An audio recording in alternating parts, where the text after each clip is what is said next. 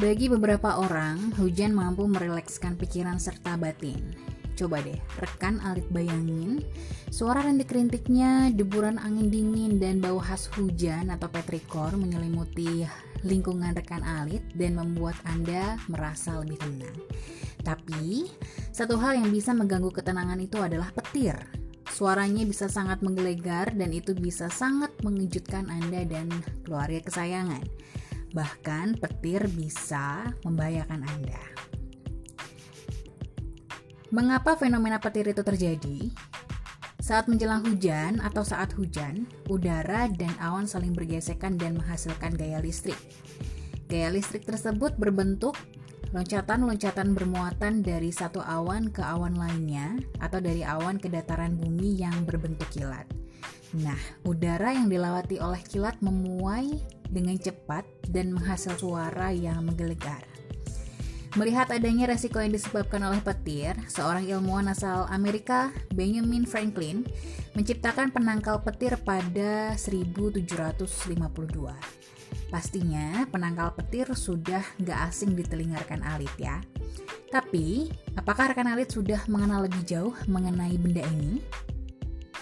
Jika jawabannya belum, Hari ini belajar Om Alit Podcast akan mengenalkan kepada rekan Alit tentang penangkal petir. Simak sampai akhir ya. Seperti yang sudah disebutkan sebelumnya, penangkal petir digunakan untuk mencegah resiko berbahaya yang dihasilkan petir. Maka dari itu, pemasangan benda ini sangat amat disarankan. Benda ini mampu melindungi bangunan dan hal-hal lain di sekitarnya dari petir sehingga tidak meledak atau terbakar. Biasanya, penangkal petir dipasang di atas bangunan seperti rumah, gedung, dan pencakar langit. Benda ini terbagi dalam tiga bagian, yaitu batang penangkal petir, kabel konduktor, dan batang pembumian. Batang penangkal petir terbuat dari logam atau tembaga yang lancip yang dipasang tegak di atas sebuah bangunan.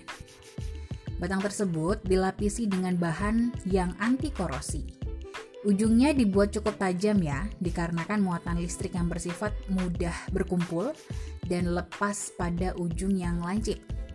Kabel konduktor berbentuk kawat panjang dari tembaga. Kabel ini memiliki diameter sekitar 1 cm dan dipasang di luar bangunan. Sama dengan kabel konduktor, batang pembumian terbuat dari tembaga tetapi berlapis baja batang yang berdiameter sekitar 1,5 cm ini memiliki panjang 1,8 hingga 3 meter dan ditanam di dalam tanah. Cara kerja dari penangkal petir mungkin akan terlihat simpel, tapi ternyata cukup rumit. Tanah di bumi bermuatan positif, sedangkan awan bermuatan negatif. Saat muatan negatif sudah berkumpul di bawah awan, Muatan positif yang ada di tanah tertarik ke atas melalui kabel konduktor dan terkumpul di ujung batang penangkal petir. Nah, saat awan sudah dekat dengan batang, muatan negatif awan dan muatan positif tanah akan saling tarik-menarik.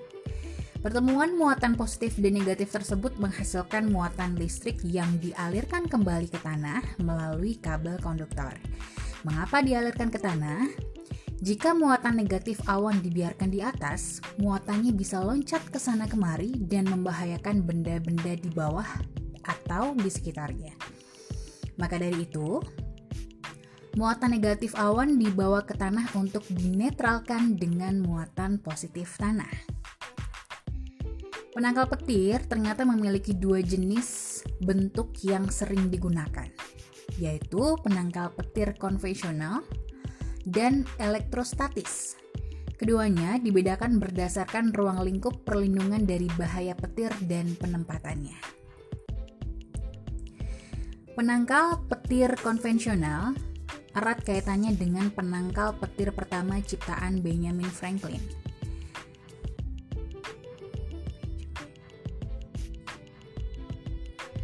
Sejak dulu, penangkal petir ini paling sering dipakai di rumah-rumah hingga sekarang. Bentuknya yang sederhana ini sangat mudah untuk rekan Ali temukan di toko bangunan dengan harga yang cukup murah. Penangkal petir konvensional cocok digunakan di gedung atau lahan yang tidak terlalu luas, seperti rumah, ruko, dan juga rukan. Sedangkan penangkal petir jenis elektrostatis memiliki jangkauan perlindungan yang lebih luas dibanding penangkal petir konvensional. Semakin tinggi penempatannya, semakin luas juga area jangkauan perlindungannya. Maka dari itu, kita sering menemukan jenis ini di lahan berarea luas dan gedung yang tinggi, seperti perkebunan, lapangan golf, daerah tambang, kawasan industri, gedung perkantoran, dan juga gedung pencakar langit. Sayangnya, penangkal petir elektro elektrostatis ini lebih mahal dan menyita waktu yang banyak untuk memasangnya. Meski sebuah bangunan sudah dilindungi oleh atap, kehadiran penangkal petir dianggap sangat amat diperlukan. Benda ini sangat berguna untuk memberikan perlindungan ekstra agar bangunan tidak terbakar dan tidak merusak alat elektronik di dalamnya. Penting juga untuk melindungi Anda dari sambaran petir. Maka dari itu, semoga rekan alit bisa mengambil informasi menarik untuk keselamatan Anda dan keluarga di hunian Anda.